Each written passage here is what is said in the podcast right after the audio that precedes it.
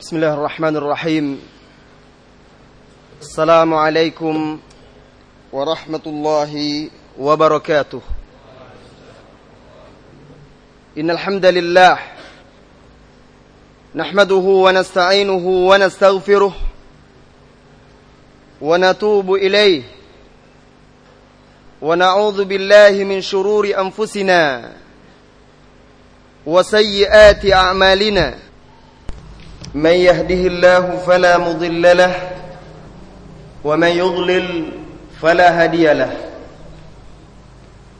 أشهد أن لا إله إلا الله وحده لا شريك له وأشهد أن محمدا عبده ورسوله صلى الله عليه وعلى آله وأصحابه ومن سار على نهجه وتمسك بسنته إلى يوم الدين وسلم تسليما كثيرا أما بعد معاشر المسلمين والمسلمات yang dirahmati oleh Allah tabaraka wa taala. Alhamdulillah kita berkumpul kembali di majlis ini. Majlis Riyadhus Salihin. Taman-taman orang yang saleh insyaallah taala. Melanjutkan kajian kita Kajian kita pada pertemuan yang lalu terhenti seputar hadis-hadis sahihah yang berisikan tentang syakhsiyah. Sosok dan kepribadian sahabat Huzaifah Ibnul Yaman radhiyallahu anhu sahibu sirri Rasulullah sallallahu alaihi wasallam. Sahabat yang menyimpan dan memegang rahasia-rahasia Rasulullah sallallahu alaihi wasallam. Hadis-hadis yang kita dengarkan pada pertemuan yang lalu menggambarkan dengan jelas dan terang sosok dan kepribadian Hudzaifah yang kokoh yang diberikan oleh Rasulullah sallallahu alaihi wasallam keistimewaan dibanding sahabat-sahabat yang lainnya berupa ilmu tentang fitnah-fitnah yang terjadi menjelang terjadinya kiamat atau kiamus sa'ah. Oleh karena itu Huzaifah radhiyallahu anhu menuturkan menunjukkan bagaimana luasnya ilmu dia tentang pengetahuan ini. Perkara-perkara yang akan terjadi di pangkuan hari kiamat sebelum terjadinya kiamat. Inna Allah Ta'ala ba'atha Muhammadan fada'an nasa min ad-dhalalati ila al-huda kata beliau. Sesungguhnya Allah Tabaraka wa Ta'ala mengutus Muhammad Lalu ia menyeru manusia, mengajaknya mengeluarkan manusia dari kesesatan kepada petunjuk. Wa minal kufri ilal iman, dari kekufuran menuju keimanan. Fastajaba lahu man istajaba. Lalu di antara manusia ada yang memenuhi seruan-seruan Muhammad sallallahu alaihi wasallam. Fahayya bil haqqi man kana mayyita. Lalu orang-orang yang dulunya mati menjadi hidup dengan al-haq, kebenaran. Yang dimaksud oleh beliau mati di sini bukanlah mati jasad atau fisik.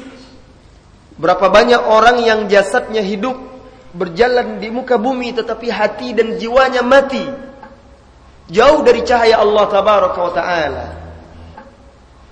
Berada dalam kegelapan, kekufuran atau maksiat Wa mata bil batili man kana hayya dan mati pula orang-orang yang dulunya hidup dengan kebatilan.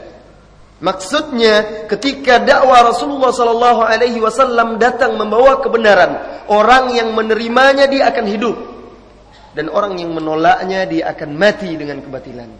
Walaupun dia hidup, sosok fisiknya hidup di atas dunia. Thumma dhahabatin nubuwah. Kemudian pergilah kenabian. Wafat Rasulullah sallallahu alaihi wasallam. Waja'atil khilafatu ala minhajin nubuwah.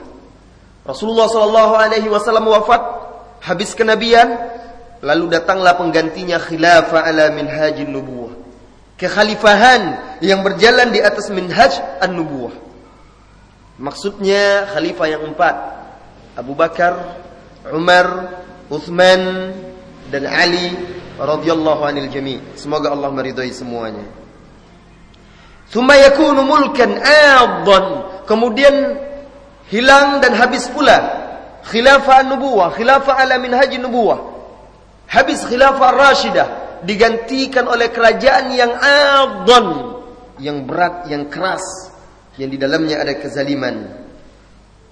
Faminan nas ketika muncul kekuasaan-kekuasaan kerajaan-kerajaan di tengah kaum muslimin yang di situ ada sebagian kezaliman padanya. Di antara manusia man yungkir. Di antara manusia ada yang mengingkari biqalbihi wa lisanihi wa lisanihi wa yadihi di antara manusia ada yang mengingkari kemungkaran-kemungkaran dengan hatinya dengan lisan dan dengan tangannya ulaika istajabu lil mereka ini adalah orang-orang yang memenuhi seruan kebenaran. Wa minan nas dan di antara manusia man yungkiru biqalbihi wa lisanihi kafan yadahu. Ada lagi kelompok manusia yang mengingkari dengan hati, lisan tetapi tidak dengan tangannya. Fahadza taraka syu'batan minal haqq. Kelompok ini meninggalkan salah satu cabang kebenaran. Wa minhum man yunkiru biqalbi kafan yadahu wa lisanah. Ada pula orang yang mengingkari dengan hatinya saja, tidak dengan lisan dan tangannya.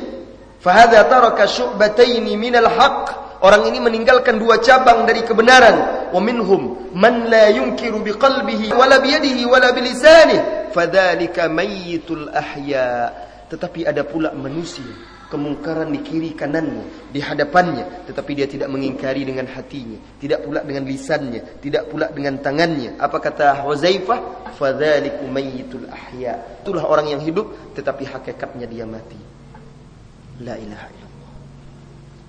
Lihatlah wahai saudara-saudariku, kehidupan kita kaum muslimin bagaimana kemungkaran di kanan kiri hadapan dan di hadapan kita, di depan dan di belakang.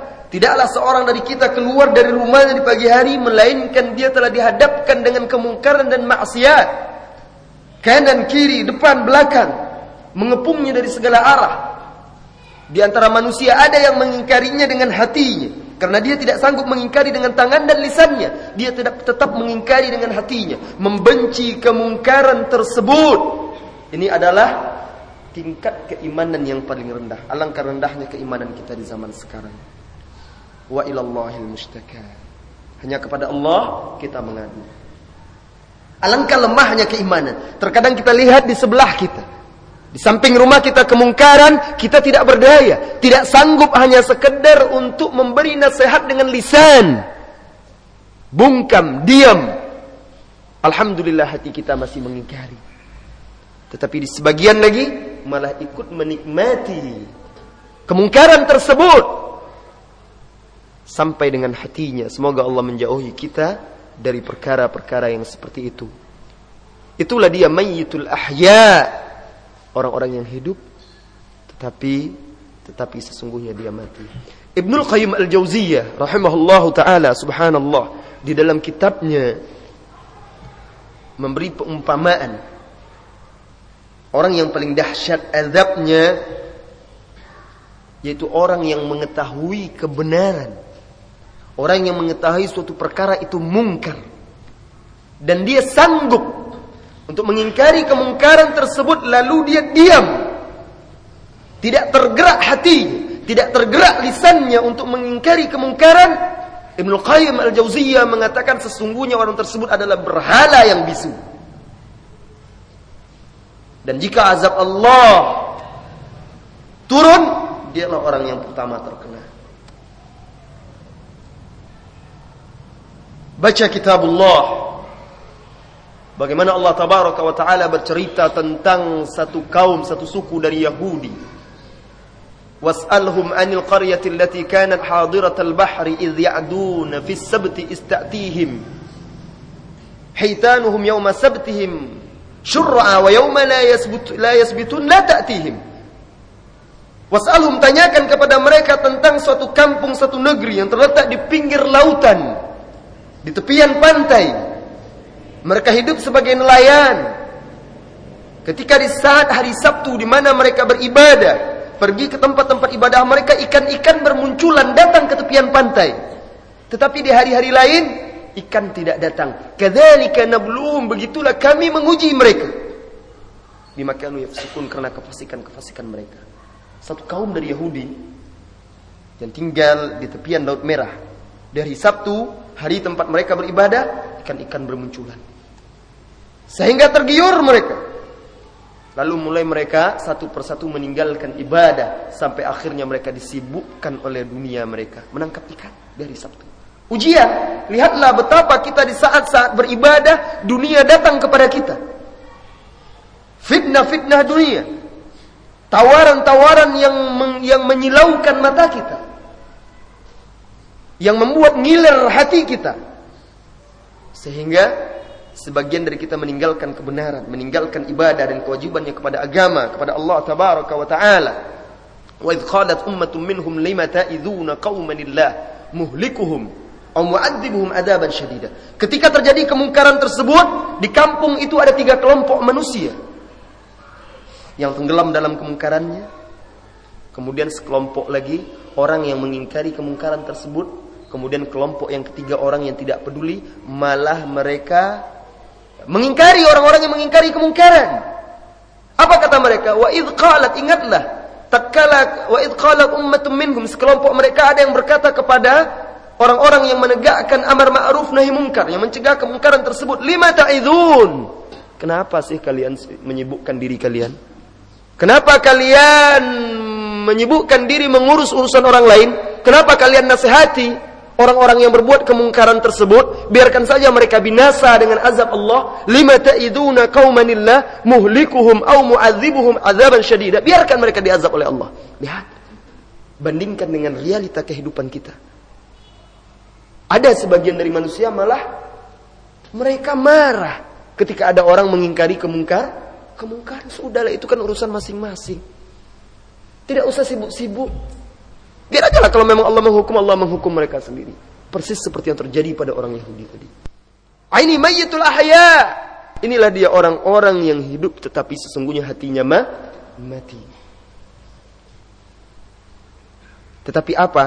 Para ulama-ulama, ahli ilmu Orang-orang yang tergerak hatinya, jiwanya untuk menegakkan amar ma'ruf nahi mungkar, tatkala ada orang-orang yang menghalangi langkah mereka menegakkan amar ma'ruf nahi mungkar tersebut, apa jawab mereka? Qalu ma'dziratan ila rabbikum wa la'allahum yattaqun. Tidak demikian. Kami tegakkan amar ma'ruf nahi mungkar, kami cegah kemungkaran tersebut. Ma'dziratan ila rabbikum agar kami memiliki alasan di hadapan Tuhan kalian nanti ketika Allah tanya kita, "Kenapa engkau diam hai fulan? Hai si A, hai si B, keluargamu di tengah rumah tanggamu ada kemungkaran, engkau diam?" Kenapa? Apa yang akan kita jawab kepada Allah taala? Saya tidak sanggup anak-anak saya. Ya Allah, bukankah kita pemimpin? Lalu kita kita kita katakan tidak sanggup, lalu kenapa jadi pemimpin? wala'allahum yattaqun dan agar mereka sadar agar mereka insaf agar mereka takut kepada Allah taala jadi ini kehidupan kapan dan di mana pun seperti itu antara orang yang berbuat kemungkaran orang yang mencegah kemungkaran orang yang tidak peduli dengan kemungkaran tersebut bahkan dia pun kadang tenggelam dalam kemungkaran mayyitul ahya orang yang hidup tetapi mati kata Huzaifah semoga Allah menjauhkan kita dari jenis dan golongan orang-orang yang seperti itu. Kaum muslimin dan muslimat rahimakumullah masih melanjutkan pertemuan kita yang lalu tentang Huzaifah. Itulah dia Huzaifah. Sosok yang sangat luar biasa dan kita lanjutkan malam ini sebagaimana yang saya janjikan tentang fitnah yang muncul setelah terbunuhnya Asy-Syahid Umar Ibn Al-Khattab radhiyallahu anhu.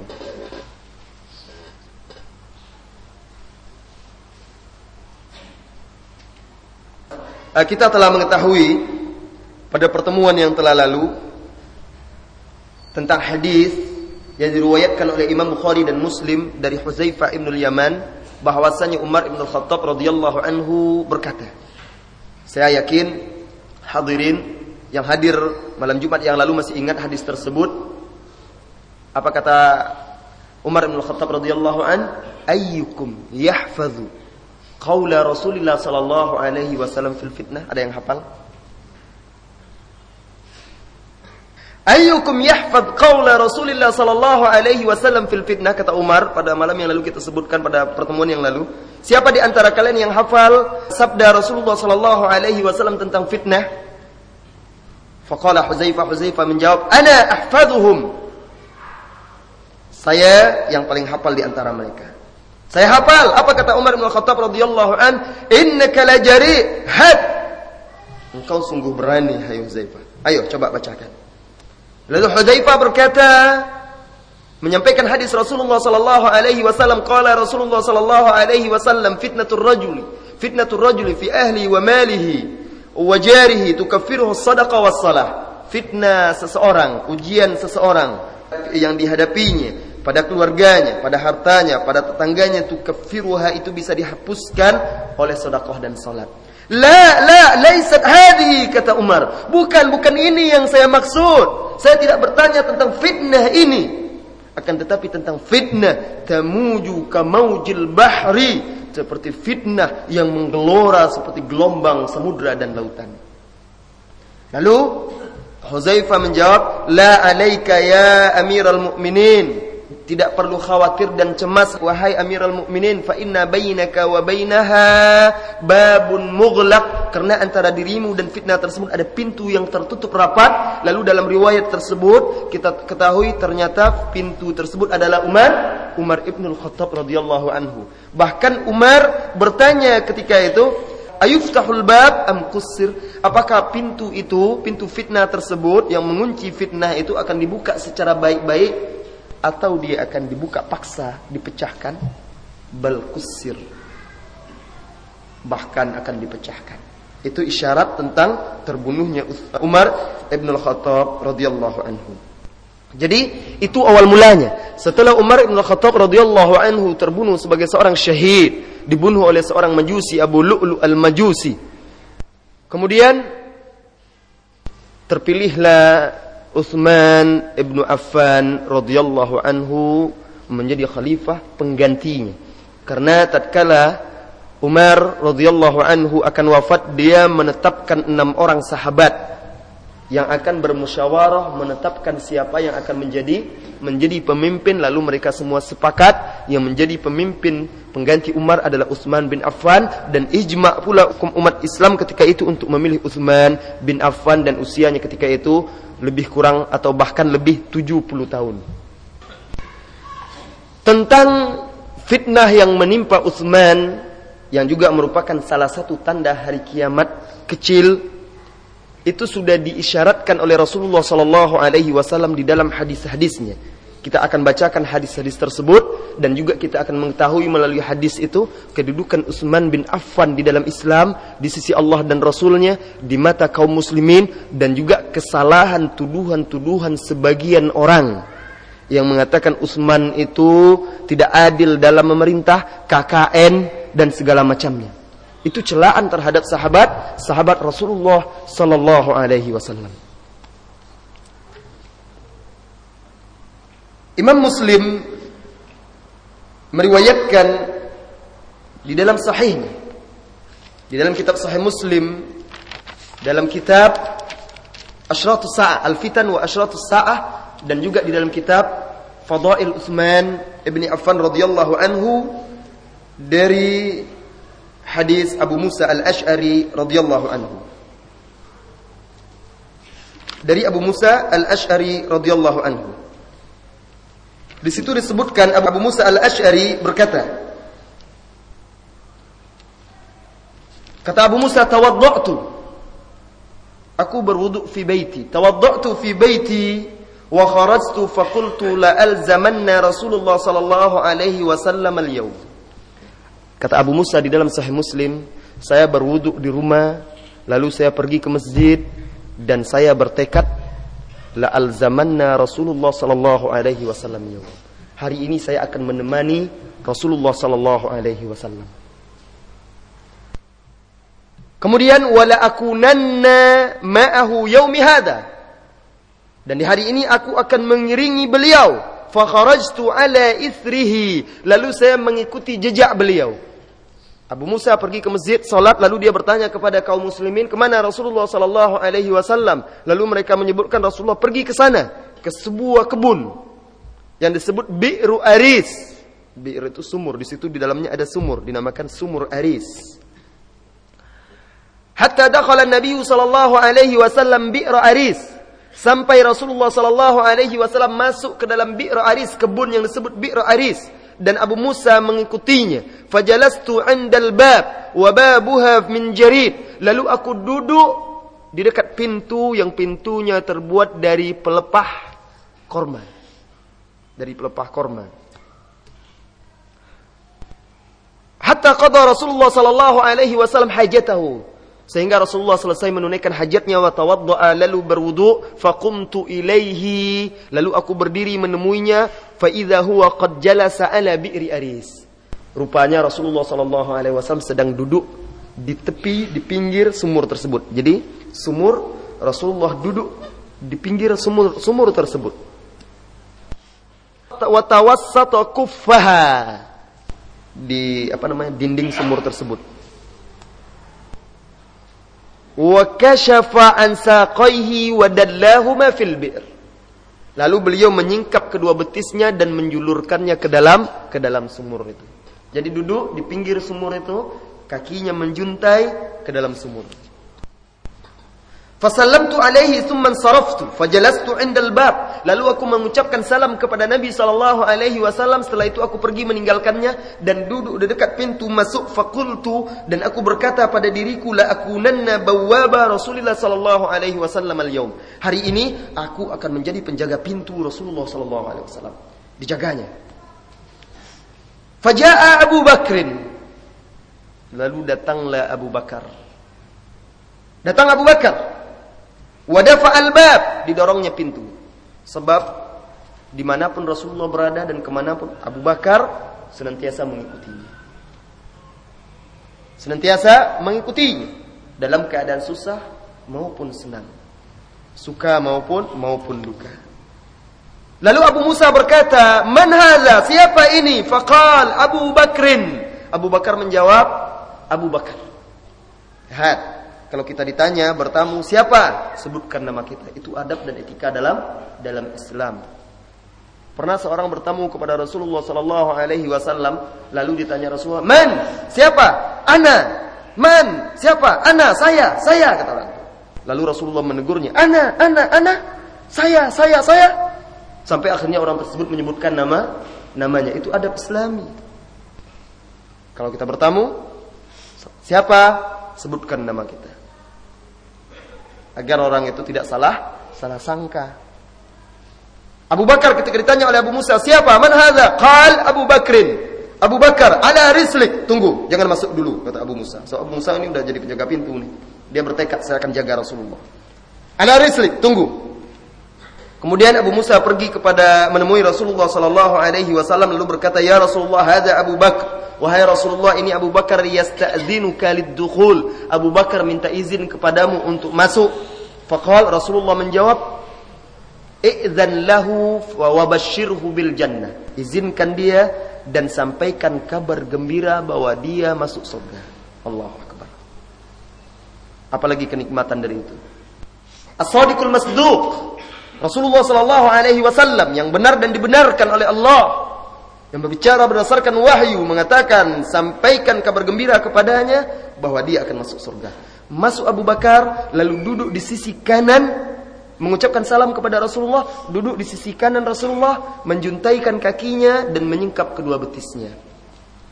Abu Musa kembali ke pintu dan duduk menjaga pintu.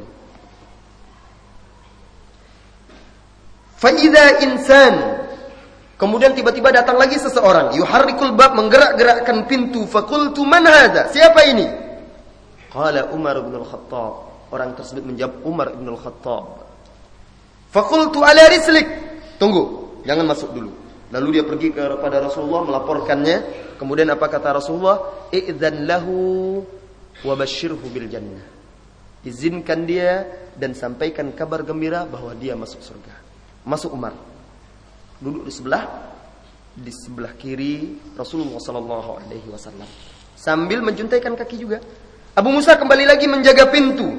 Kemudian datang pula seseorang Faja'a insanun faharakal bab. Lalu datang lagi seorang manusia dan menggerakkan pintu. Fakultu. Lalu aku berkata, siapa ini? Lalu orang tersebut menjawab, Uthman ibnu Affan.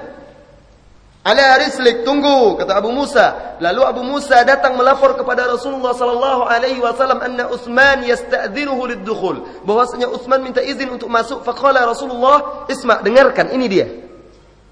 Isyarat dari Rasulullah sallallahu alaihi wasallam tentang fitnah yang akan menimpa Utsman.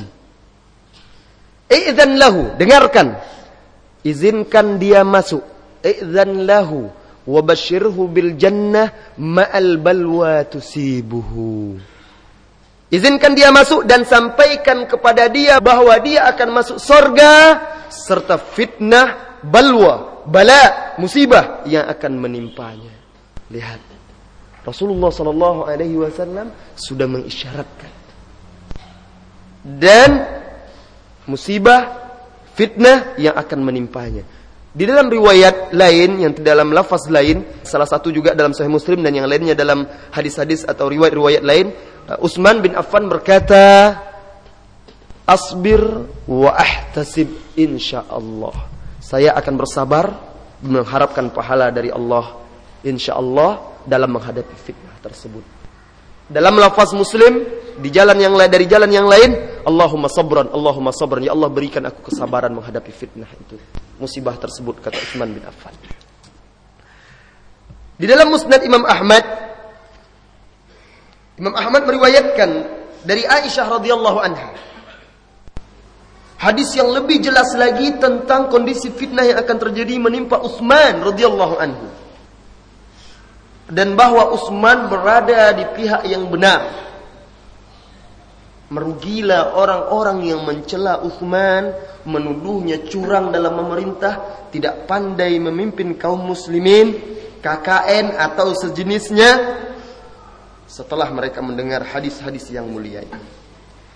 Dari Aisyah radhiyallahu anha qalat, arsala Rasulullah sallallahu alaihi wasallam ila Uthman ibn Affan. Rasulullah sallallahu alaihi wasallam mengirim seseorang untuk memanggil Utsman bin Affan. Fa aqbala alaihi Rasulullah sallallahu alaihi wasallam. Datanglah Utsman lalu Rasulullah menghadap kepada kepada Utsman. Falamma ra'aina Rasulullah sallallahu alaihi wasallam aqbalat ihdahuna 'ala al-ukhra. Tatkala kami kata Aisyah melihat Rasulullah sallallahu alaihi wasallam setiap kami memandang menghadap kepada satu dengan yang lainnya karena ini ada wanita-wanita. Jadi ketika datang Eh, Rasulullah para wanita-wanita itu saling menghadap kepada mereka kawan-kawannya. Fakana min akhiri kalamihi kallamahu an daraba mankibahu dan perkataan kata Aisyah, perkataan terakhir yang diucapkan oleh Rasulullah kepada Utsman ketika itu Rasulullah menepuk pundak Utsman, daraba mankibahu. Waqal lalu Rasul bersabda, "Isma, dengarkan. Ya Utsman, wahai Utsman. Inna Allah azza wa jalla asa an yalbisaka qamisa. Lihat. Wahai Utsman, sesungguhnya Allah taala azza wajal akan memberimu pakaian. Apa maksudnya?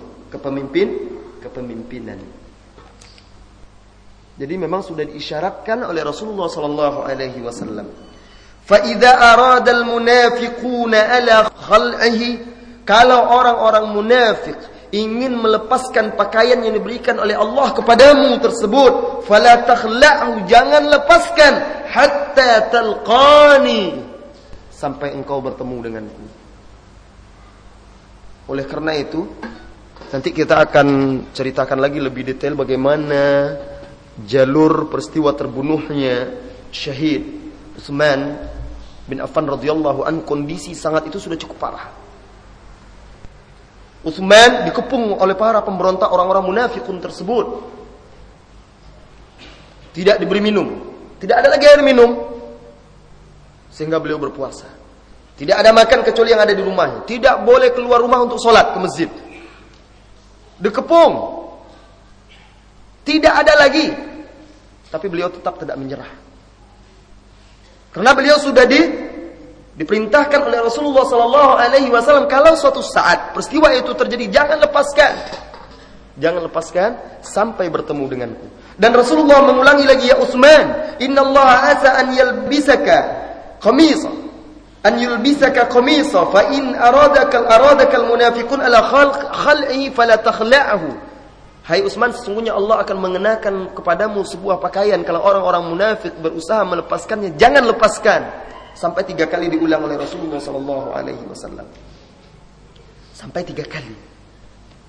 Di dalam hadis lain, di dalam hadis ini diriwayatkan oleh Imam Ahmad dan juga Ibnu Majah, Ibnu Hibban dan Ibnu Abi Asim di dalam kitab As-Sunnah disahihkan oleh Syekh Al-Albani rahimahullahu taala dan Ahmad Syakir, ulama ahli hadis dari Mesir.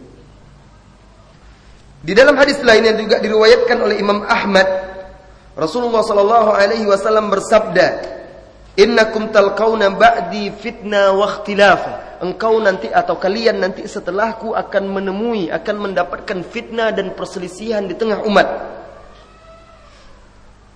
Lalu ada orang yang berkata kepada Rasulullah sallallahu alaihi wasallam, "Faman lana ya Rasulullah?" Kalau fitnah itu terjadi, kalau perselisihan terjadi di tengah para sahabat, di tengah kaum muslimin, Lalu siapa yang akan kami ikuti ya Rasulullah? Qala alaikum bil amin wa ashabihi. Hendaklah kalian berpegang teguh. Hendaklah kalian bersama al-amin. Lihat. Rasulullah menyebutnya al-amin. Orang yang terpercaya. Wa ashabihi dan sahabat-sahabatnya. Wa huwa yushiru ila Utsman. Lalu dia mengisyaratkan kepada Utsman bin Affan radhiyallahu anhu. Ini tanda-tanda kenabian Rasulullah sallallahu alaihi wasallam. Beliau yang berbicara berdasarkan wahyu memberikan kabar tentang peristiwa yang akan terjadi sepeninggalnya setelah terbunuhnya Umar radhiyallahu anhu. Ini menunjukkan keutamaan Utsman bin Affan radhiyallahu anhu. Lalu siapa sebenarnya Utsman ini? Sosok yang diberi keistimewaan oleh Rasulullah sallallahu alaihi wasallam Bahkan disebut sebagai syahid. Beliau masih hidup tetapi disebut oleh Rasulullah sebagai syahid.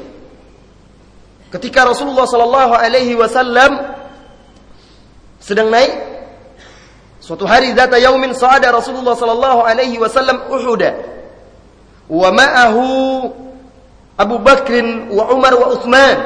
Suatu hari Rasulullah sallallahu alaihi wasallam mendaki gunung Uhud ikut bersamanya Abu Bakar, Umar dan Utsman Lalu bergetarlah, bergeraklah gunung Uhud tersebut.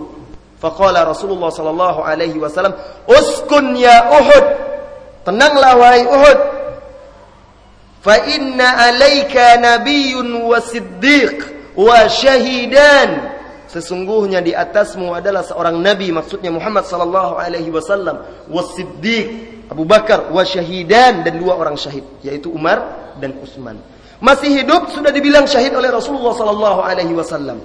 Siapa yang bersaksi? Yang bersaksi, yang memberikan syahadah kesaksian adalah Rasulullah sallallahu alaihi wasallam. Oleh karena itu Utsman tidak diragukan lagi adalah seorang syahid ketika dia terbunuh di rumahnya menjelang dia berbuka di hari Kamis menjelang maghrib terbunuh di hadapan kitabullah ketika dia membaca Al-Qur'an dibunuh oleh orang-orang munafik Salah seorang di antara mereka berkata ketika membunuh Utsman, "Ta'antu Utsman tis'at ta'anat."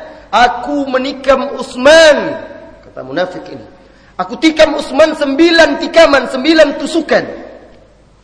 Thalatha ta'anat lillahi wa sittatu ta'anat lima kana sadri alaihi. Tiga tusukan itu adalah untuk Allah. Enam tusukan lainnya adalah karena sakit hatiku kepadanya. Insya Allah nanti kita akan kupas lebih lebih jauh lagi. Nah, Utsman wahai saudara-saudariku, seorang sahabat yang luar biasa, hidupnya penuh pelajaran dan hikmah perjuangan yang patut kita contoh. Pengorbanan dengan seluruh apa yang dimilikinya. Dengarkan hadis Rasulullah sallallahu alaihi wasallam tentang sosok yang mulia ini dari Aisyah radhiyallahu anha hadis diriwayatkan oleh Imam Muslim dalam kitab Fadail Utsman ibn Affan kana Rasulullah sallallahu alaihi wasallam muttaji'an fi baiti suatu hari Rasulullah sallallahu alaihi wasallam berbaring di rumahku kata Aisyah kashifan an fakhidaihi beliau berbaring paha Pahanya tersingkap. Beliau menyingkapkan pahanya. Au saqaihi atau betisnya. Aisyah ragu. Atau perawi setelah Aisyah. Ragu apakah itu yang disingkap paha atau atau betis. Jadi dalam lafaz hadis itu disebutkan fakhidaihi au saqaihi, kedua paha atau betisnya.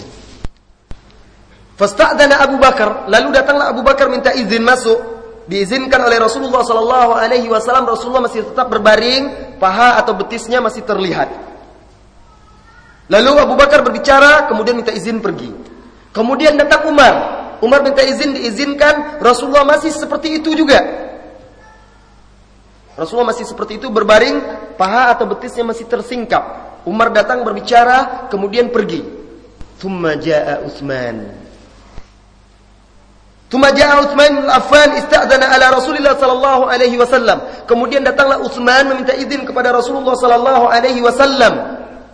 Lalu sebelum sebelum diberi izin mendengar Rasulullah mendengar yang datang itu Utsman sebelum Rasulullah sallallahu alaihi wasallam memberi izin qama wa'tadala fi jalsatihi. Rasulullah segera duduk Bangun dari tidurnya, segera duduk, wa ghatta saqaihi, lalu ditutupnya paha dan betisnya.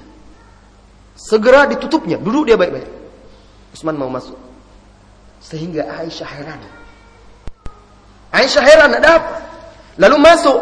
Utsman berbicara dengan Nabi sallallahu alaihi wasallam radhiyallahu anhu, lalu dia pergi. Setelah dia pergi, qalat Aisyah, Aisyah bertanya kepada Rasulullah sallallahu alaihi wasallam, "Ya Rasulullah, dakhala Abu Bakar wa dakhala Umar, falam tahtash." Abu Bakar, Umar masuk, engkau tidak bergerak sedikit pun. Engkau tidak merubah posisimu, engkau tidak menutup betismu. Tapi tatkala Utsman masuk, datang Kemudian engkau langsung duduk menutup betismu, merapikan pakaianmu. Ada apa?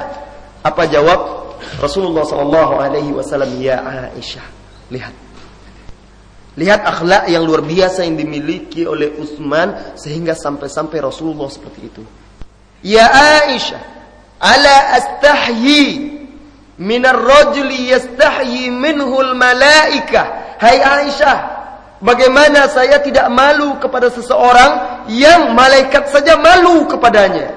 Utsman adalah seorang yang pemalu. Dia malu kepada Allah dia malu kepada Allah sehingga malaikat malu kepadanya sehingga Rasulullah sallallahu alaihi wasallam pun malu malu kepadanya lihat akhlak yang patut kita teladani yang patut kita tiru oleh karena itu ketika ada di dalam hadis yang diruangkan oleh Imam Bukhari hadis tersebut ada dalam Adabul Mufrad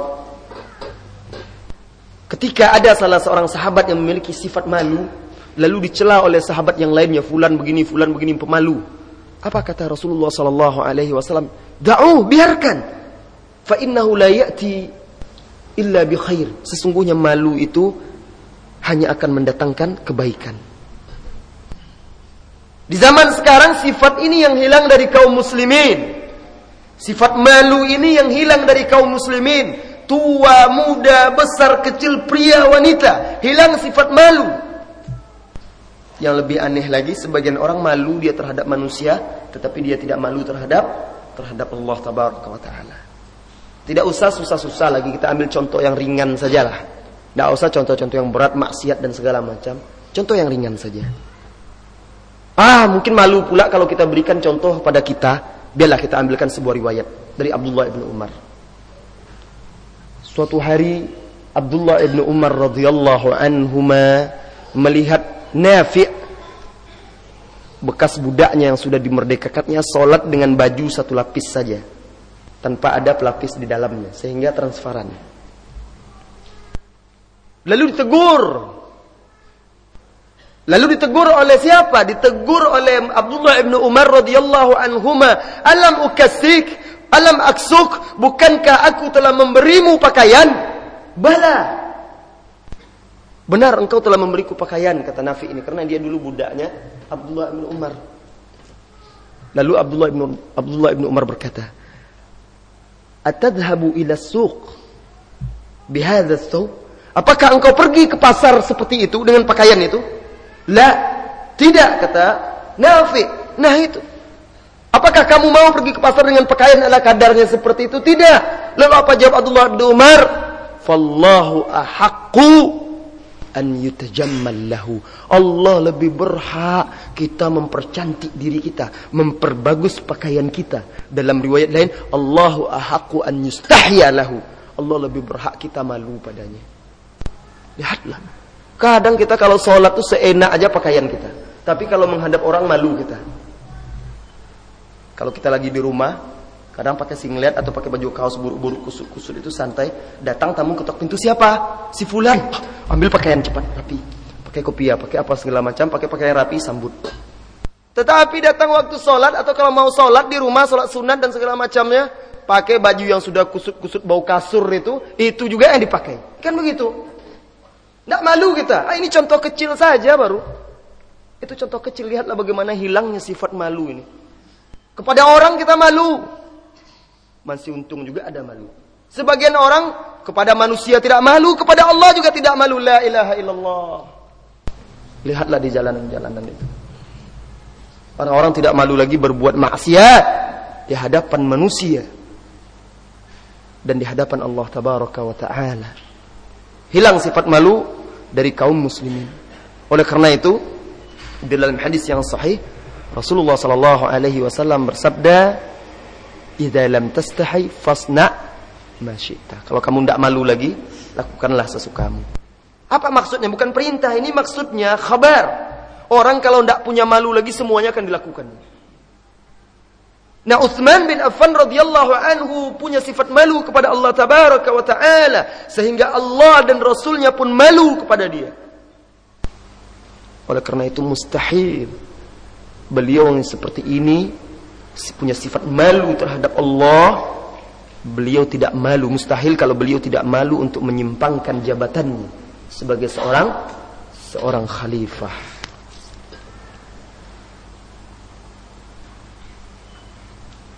Kemudian kaum muslimin dan muslimat Utsman radhiyallahu anhu sosok yang telah menemani Rasulullah sallallahu alaihi wasallam. Ketika Rasulullah sallallahu alaihi wasallam pertama kali hijrah ke Madinah, ada masalah berat yang dihadapi kaum muslimin, yaitu kesulitan air, kesulitan masalah air. Waktu itu susah mendapatkan air bersih di kota Madinah. Dan waktu itu yang menguasai air adalah seorang Yahudi yang keji, khobis. Dia punya sumur, namanya Bi'ru Rumah, sumur rumah, sumber mata air. Dan dia tahu kaum muslimin dalam keadaan susah. Lalu diambilnya lah kesempatan dalam kesempitan tersebut. Dijualnya satu ember air dengan satu sok gandum. Waktu itu hanya sumur itu yang berisi air segar yang bisa dikonsumsi. Sehingga kesulitan kaum muslimin. Dan begitu seterusnya orang-orang Yahudi itu.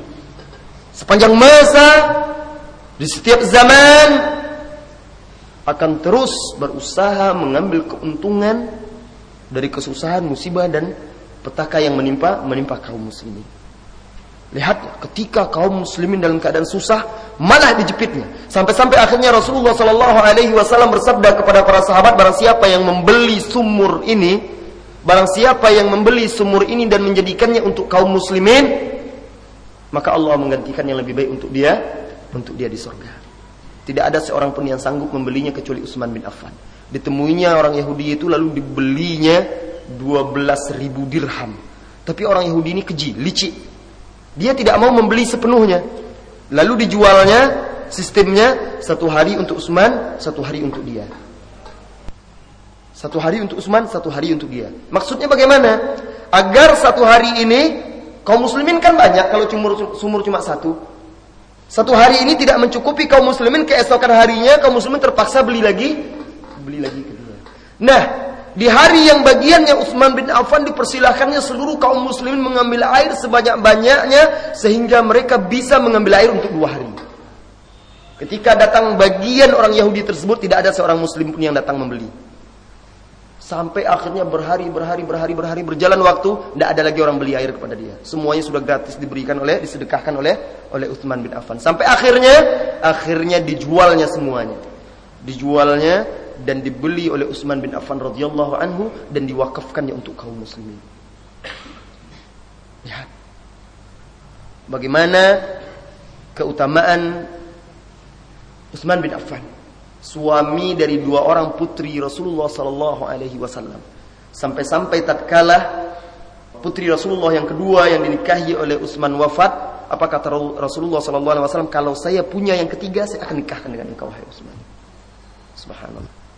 Nah, Utsman menemani Rasulullah sallallahu alaihi wasallam sampai wafat. Rasulullah sallallahu alaihi wasallam wafat dalam keadaan ridho terhadap terhadap Utsman. Setelah itu Utsman menemani Abu Bakar sebagai khalifah. Wafat pula Abu Bakar sebagai khalifah. Abu Bakar wafat meninggalkan Utsman dalam keadaan ridho. Kemudian begitu juga Utsman menemani Umar radhiyallahu anhu dan Umar wafat dalam keadaan ridho terhadap Utsman bahkan Umar mencantumkan nama Utsman dalam enam orang yang akan dijadikan bermusyawarah setelah wafatnya wafatnya Umar bin Khattab radhiyallahu anhu.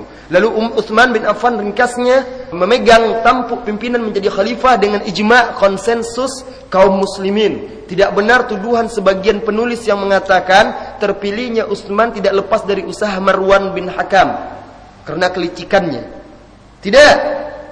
Ada sebagian penulis yang mengatakan yang mengatakan seperti itu. Itu adalah kesepakatan uh, majelis syuro enam orang tersebut dan disepakati oleh kaum kaum muslimin.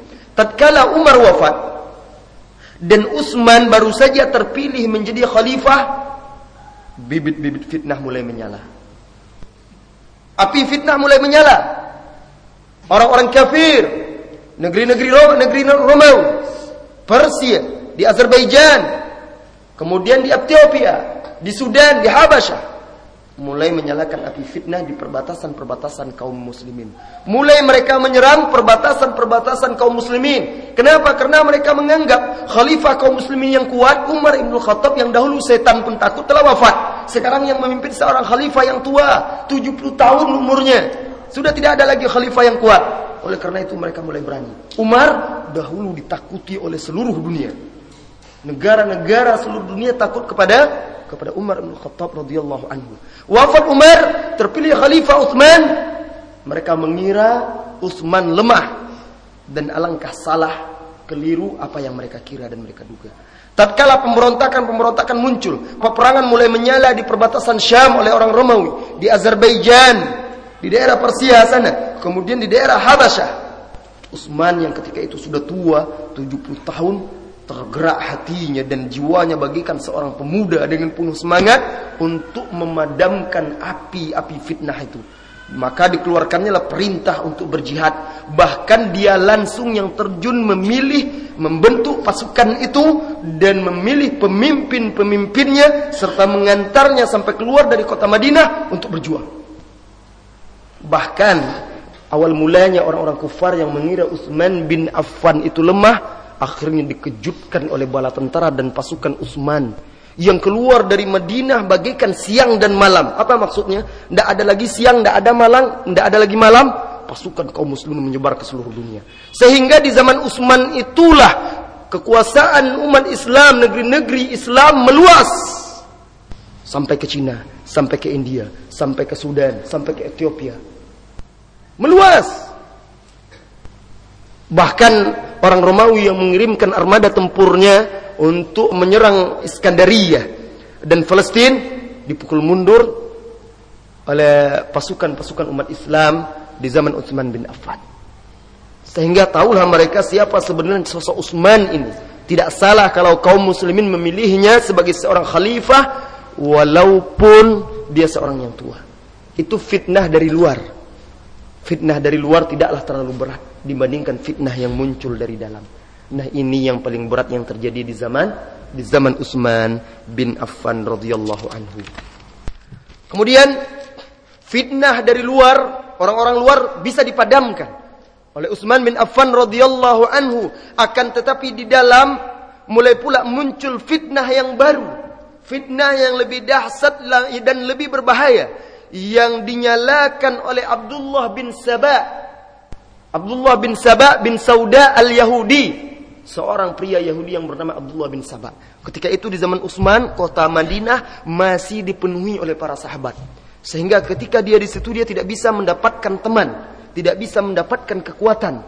Isu-isu gosip propaganda kebohongan yang dia sebarluaskan tentang Utsman di Madinah tidak berhasil. Pergilah dia ke Irak. Ingat kaum muslimin dan muslimat pertemuan dua pertemuan sebelumnya saya sudah sampaikan hadis-hadis Rasulullah sallallahu alaihi wasallam yang menyebutkan bahwa fitnah itu al fitnah min hahuna min hahuna haitsu tatlu qarnus syayatin. Fitnah itu muncul dari sini. Fitnah itu muncul dari sini tempat terbitnya tanduk syaitan. Lalu Rasulullah menunjuk ke arah timur. Di dalam lafaz-lafaz lain disebutkan itu adalah Irak, Baghdad, Irak. Irak. Najd di Irak. Nah, Rasulullah menyebutkan di situlah tempat munculnya fit fitnah. Lari dia ke sana, tempat yang di sana masih sedikit sahabat, jauh dari para sahabat. Di sanalah Abdullah bin Sabah berhasil mengumpulkan orang-orang munafik, orang-orang yang lemah iman.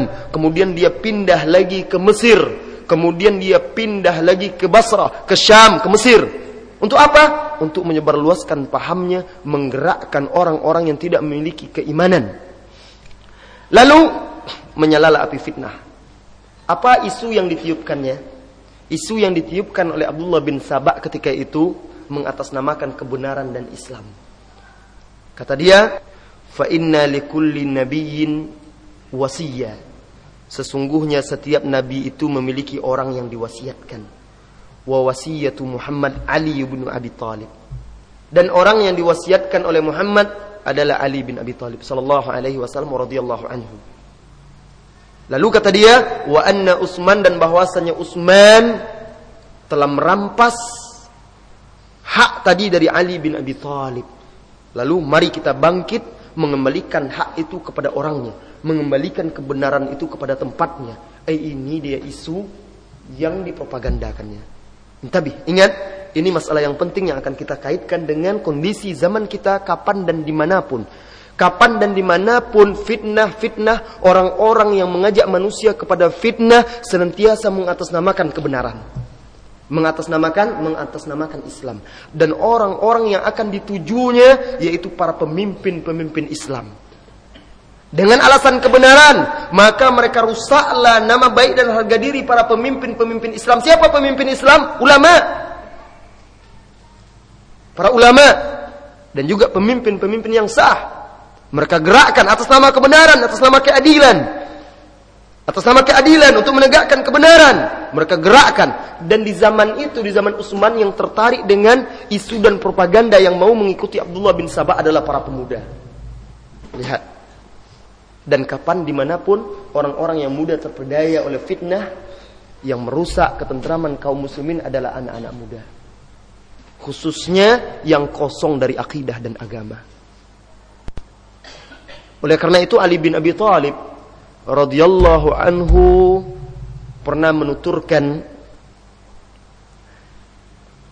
yu'jibuni yu'jibuni hikmatu hikmatu syuyukh min quwwati asy-syabab. Saya lebih suka dan lebih kagum kepada kebijaksanaan orang tua daripada kekuatan pemuda. Memang Orang muda itu penting.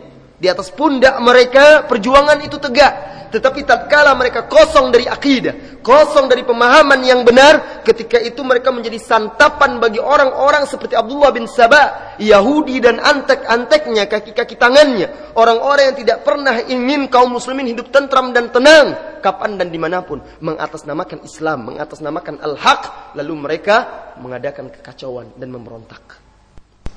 Berhasil Abdullah bin Sabah.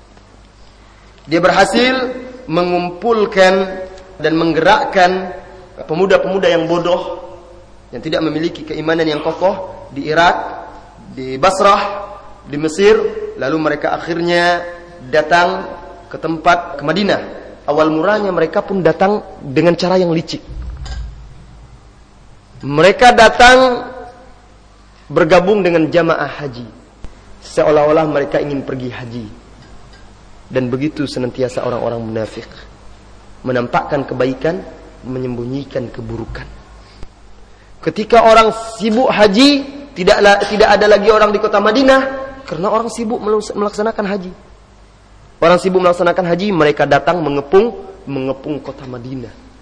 Lalu yel-yel meneriakkan yel-yel mereka, tuduhan-tuduhan mereka terhadap Utsman bin Affan radhiyallahu anhu dan secara rincinya insyaallah apa yang mereka tuduhkan kepada Utsman beserta bantahannya dari Utsman dan dari para sahabat serta detik-detik terakhir dari Utsman bin Affan terbunuh bersimbah darah di atas mushaf kita akan kaji insyaallah pada pertemuan yang akan datang.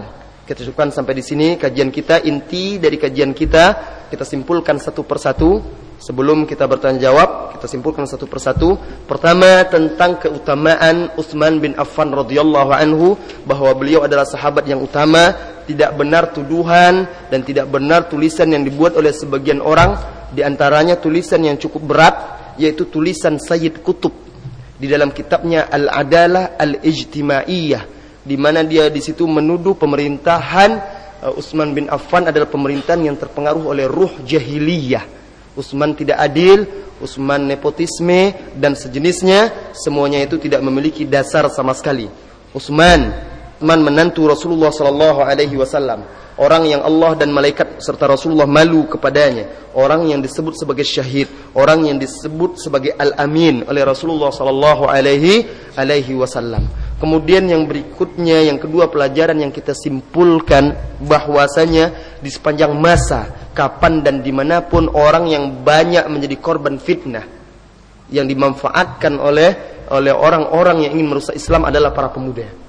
Dan hati-hati wahai saudara-saudari muda-mudi Islam, hati-hati terdapat berbagai seruan. Walaupun mengatasnamakan Islam, walaupun mengatasnamakan kebenaran, keadilan, jangan tergesa-gesa Jangan tergesa-gesa, timbang dengan Al-Quran dan Sunnah, kembalilah merujuk kepada para ulama dan ahli ilmu dalam mensikapinya.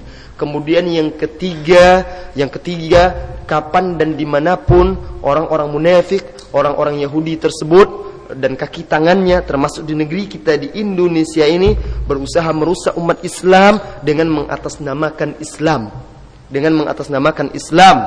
Bahkan mereka pakai umat Islam sendiri sangat mengherankan. Beberapa bulan yang lalu kan diadakan acara yang mengkaji Islam, tetapi siapa yang mengkajinya?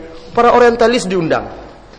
Mengkaji Islam, tetapi mengkaji Islam orientalis dari Leiden, dari Amerika sana, dan tidak seorang pun ahli-ahli Islam yang diundang dari Timur Tengah. Ulama-ulama misalnya yang mengkajinya. Kenapa kita mengkaji Islam?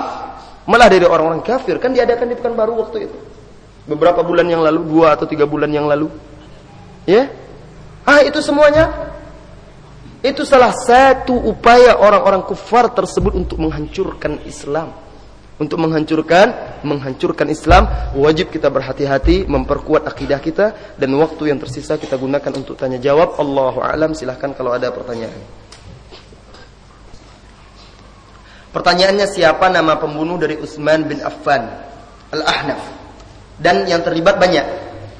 Tapi yang menusuknya sampai sembilan tusukan yang saya nukilkan perkataannya tadi namanya Al-Ahnaf. Para ulama menyebutnya bukan Al-Ahnaf tetapi Al-Ahmak. Sedikit saja bedanya. Al-Ahmak itu artinya orang pandir. Namanya Al-Ahnaf. Ya, itu yang membunuh. Bahkan ketika Utsman terbunuh itu subhanallah ketika Utsman itu di atas tingkat di dekat balkon rumahnya, lalu mereka panjat rumah Utsman bin Affan. Utsman sedang membaca Al-Qur'an. Lalu mereka langsung mereka kepung dan mereka ayunkan pedang mereka menembas Utsman bin Affan. Bahkan ketika Utsman sudah tergeletak, datang istri Utsman bin Affan dipeluknya suaminya. Masih juga mereka menusuk Utsman. Ditusuknya dari bawah sampai putus jari jari jemari istri Utsman bin Affan radhiyallahu anhu. Anggaplah kalau dan itu tidak mungkin. Kalau Utsman salah, apakah sampai seperti itu perlakuan seorang muslim kepada pemimpinnya? Ini yang diinginkan oleh orang Yahudi ketika itu Abdullah bin Abdullah bin Sabah. Dan dari mulai dari situ munculnya paham khawarij, pemberontakan-pemberontakan terhadap pemimpin Islam sepanjang masa. Itu mulainya mereka belajar bagaimana memberontak terhadap pemimpin-pemimpin yang sah. Ya. Allah. Apakah Ustadz, apakah ada sirah sejarahnya peperangan umat Islam dengan negeri Cina? Ada. Kitab Al-Bidayah wa Nihaya misalnya. Karangan Ibnu Katsir yang sekarang sedang diterjemahkan oleh beberapa ustadz kita, mudah-mudahan cepat selesai. Beberapa ustadz kita bukan baru, timnya ada menerjemah kitab tersebut. Di situ disebutkan panjang lebar cerita peperangan, kisah peperangan perjuangan umat Islam terhadap sampai ke negeri Cina di sana. Peperangan Tatar yang besar itu, sejarah perang Tatar, orang-orang Mongol itu, semuanya sudah tercatat dalam sejarah dengan sanad-sanadnya dengan dengan sanad-sanadnya dicatat oleh para ulama seperti Ibnu Katsir, Ibnu Athir, Imam At-Tabari, Ibnu Asakir. Semuanya ada hanya dalam bahasa Indonesia masih minim referensi-referensi seperti itu. Mudah-mudahan akan segera muncul referensi-referensi yang seperti itu yang bisa menjadi pelajaran berharga bagi kita semuanya. Silakan.